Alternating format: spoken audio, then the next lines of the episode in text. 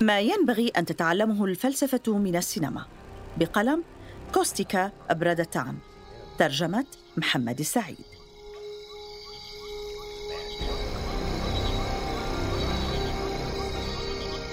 لنتصور رجلا محارب ساموراي يقتل في غابة فيحضر المغرمون واحدا تلو الآخر أمام القاضي. فيتكلم الحطاب عن الرعب الذي اعتراه عندما عثر على الجثة. ويشهد الراهب بأنه قد رأى الرجل المتوفي وعاين مجرما محتملا. ثم يحضر المجرم تاجو مارو للمحاكمة. فيزعم أنه قيد الساموراي وأغوى زوجته أمام عينيه ثم قتله في مبارزة بالسيف. سيميز بعض القراء الحبكة المذكورة. إنه فيلم راشومون عام 1950 تحفة المخرج أكيرا كوروساوا الذي يمتع مشاهديه بشكل استثنائي من خلال التفكير أثناء مشاهدته والتفلسف من دون مجادلات منطقية أو لغة مبهمة بل بواسطة سرد قصصي محكم وتصوير ساحر وسينمائية مبدعة. ثم يحين موعد شهادة زوجة الساموراي وفقا لقصتها يغتصبها تاجو مارو الذي هرب دون أن يقتل زوجها. ثم تفك وثاق زوجها بعدما اغتصبت لكن يغمى عليها بعد ذلك ثم تستيقظ فترى زوجها طريحا بجانبها بعد قتل نفسه إن اللغز الفلسفي الذي يكمن في صلب فيلم كوراساوا بات واضحا ماذا لو كنا لا نستطيع معرفة ما يحدث الآن؟ ماذا لو كانت تفسيراتنا عن العالم عالما قائما بذاته؟ وكل تفسير يختلف اختلافا مهولا من شخص لآخر وأننا نجهل من هو صاحب تفسير الحقيقة بعينها. وإمعانا في حيرتنا نستمع بعد ذلك إلى قصة الساموراي الميت نفسه بواسطة وسيلة معينة. يتوسل قاطع الطريق تاجو مارو الزوجة بالرحيل معه بعد أن نام معها. فتقنع بشرط ذبحه لزوجها. لكن تاجو مارو يصطف مع زوجها بشكل مفاجئ. تهرب المرأة بعد ذلك بحيلة ما. ويحرر قاطع الطريق المحارب فيرحل ثم ينتحر هذا الأخير. تعيش شخصيات كوروساوا العالم نفسه ولكن لأسباب إدراكية أو أخلاقية رواياتهم عما رأوه تعتبر عوالم قائمة بذاتها. إذ تستحيل معرفة كيف يبدو العالم الحقيقي فعلا. تتمثل رسالة الفيلم الكبرى في كوننا غير قادرين جوهريا على تلفظ الحقيقة. نسمع رواية أخرى بعد ذلك. رواية الحطاب. لقد شهد الحدث كله ولكنه لم يخبر القاضي. يروي قصته بعد المحاكمة عند بوابة راشومون. يتوسل تاجو مارو السيدة بالزواج منه بعد أن نام معها لكنها لم تتأثر بعرضه. ثم تحرر زوجها وتتحداه أن يهزم قاطع الطريق فيبارز المحارب تاجو بالسيف ويقتل. كانت تلك الرواية الأخيرة. ولكننا لا نستطيع الجزم بصحتها. ولو تورط أشخاص آخرين في الحادثة لسمعنا شهاداتهم ولكانت كل شهادة تختلف عن الأخرى. لا شيء جديد فلسفيا من تفكيك فريدريخ نيتشه للحقيقة باسم إرادة القوة حتى فكرة ريتشارد رورتي في كون الحقيقة مصنوعة لا مكتشفة. وصولا إلى البنائية الاجتماعية لجميع الأشياء في عصرنا الحالي.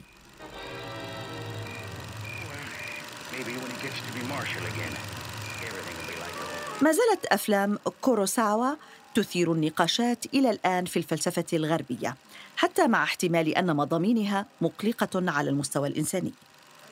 ولكنك قد تتساءل ما شأن مخرج أفلام بنقاشات فلسفية؟ وفقا لتيار فكري عارض ولكنه متزايد في تأثيره أن كوروساوا يفعل ما قد يفعله أي مخرج أفلام متمكن. حث المشاهدين بتجاوز ما يرونه على الشاشة والسعي إلى الغايات الفلسفية عبر وسائل سينمائية وإشراكهم في الأسئلة الكبرى حول الحالة الإنسانية.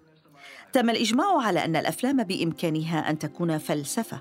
بدءا من جيل دولوز وستانلي كافيل إلى ستيفن مولهول وروبرت سينربرينك.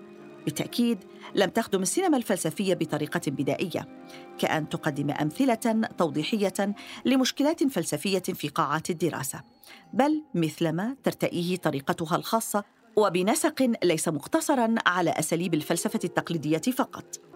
من الجلي أن ليس كل الأفلام رائدة فلسفيا ولكن بعضها كذلك. وهذا كاف كما يصيغها مولوهول في كتابه اون فيلم عام 2001 هذه الأفلام ليست موادا خاما للفلسفة ولا مصدرا لحليتها. إنها ممارسات فلسفية بل تجسيد لها. الأفلام كتفلسف الفلاسفة ليسوا فلاسفة إن لم يجادلوا. لهذا فقد هاجموا الأطروحة الجريئة في كون الأفلام فلسفة إذ لا يمكن للأفلام أن تكون فلسفة لأن السينما ليست جدلية كالفلسفة بل هي صوريه عاطفية وما إلى ذلك.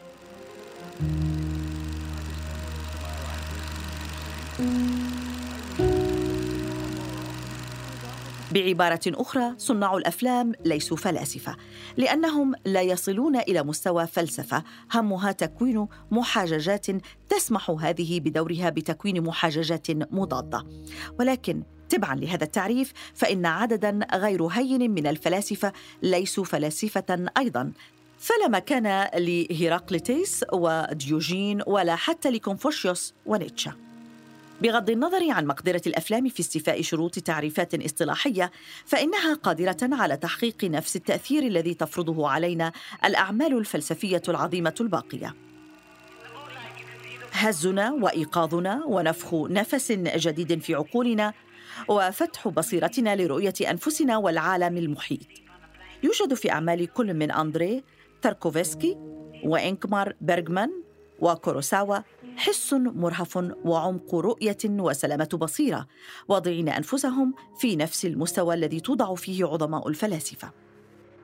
لكن إذا أخذنا هوس الفلاسفة المضر بالعقلانية بعين الاعتبار أهم ما يقدمه مخرجو الأفلام في تعليم الفلاسفة هو ما يعنيه أن تكون انسانا عيشنا الفوضوي وطريقتنا المتملصة المعقدة واللا عقلانيه إن العاطفة والمشاعر تحركنا كما تفعله العقلانية.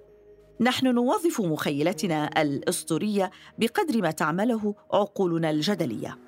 لربما يجب على الفلسفة لمصلحتها أن تكون كريمة مطوعه في تعريفاتها وعلاقاتها مع المجالات الأخرى. على سبيل المثال يمكن للفلسفة التعلم من السينما أشياء كثيرة لا تقع في لب النصوص الفلسفية كالوئام الإنساني وإغاثة الملهوف وتقديم وسيلة تخاطب الفؤاد.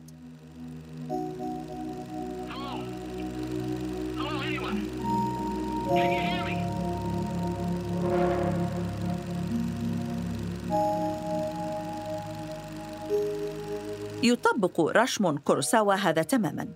لا يجسد الفكرة القديمة التي تقول إن الحقيقة صنعة بشرية وحسب بل يصبها في قالب درامي ويحكمها بطريقة لا تقدر الفلسفة وحدها على فعل ذلك. نشعر من خلال سرده وأسلوبه السينمائي وأداء ممثليه وإطاره المسرحي بما يعنيه العجز عن إدراك الحقيقة.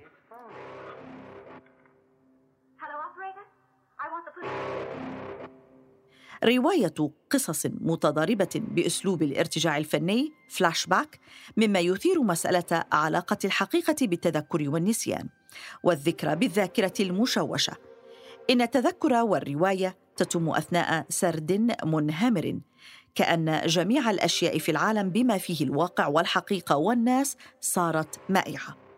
إن محيط الذكرى مكان للأسى فوجود معبد خرب تنويهم بأن الله قد مات. أو بأنه صامت على الأقل.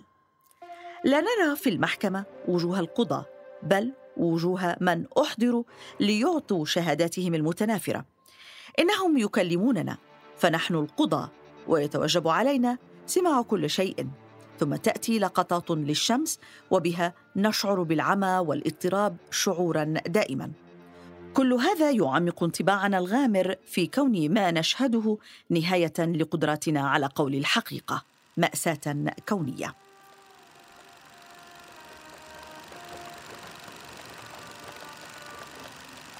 إن مراثي الراهب البوذي جديرة بالتذكر في هذا المقام.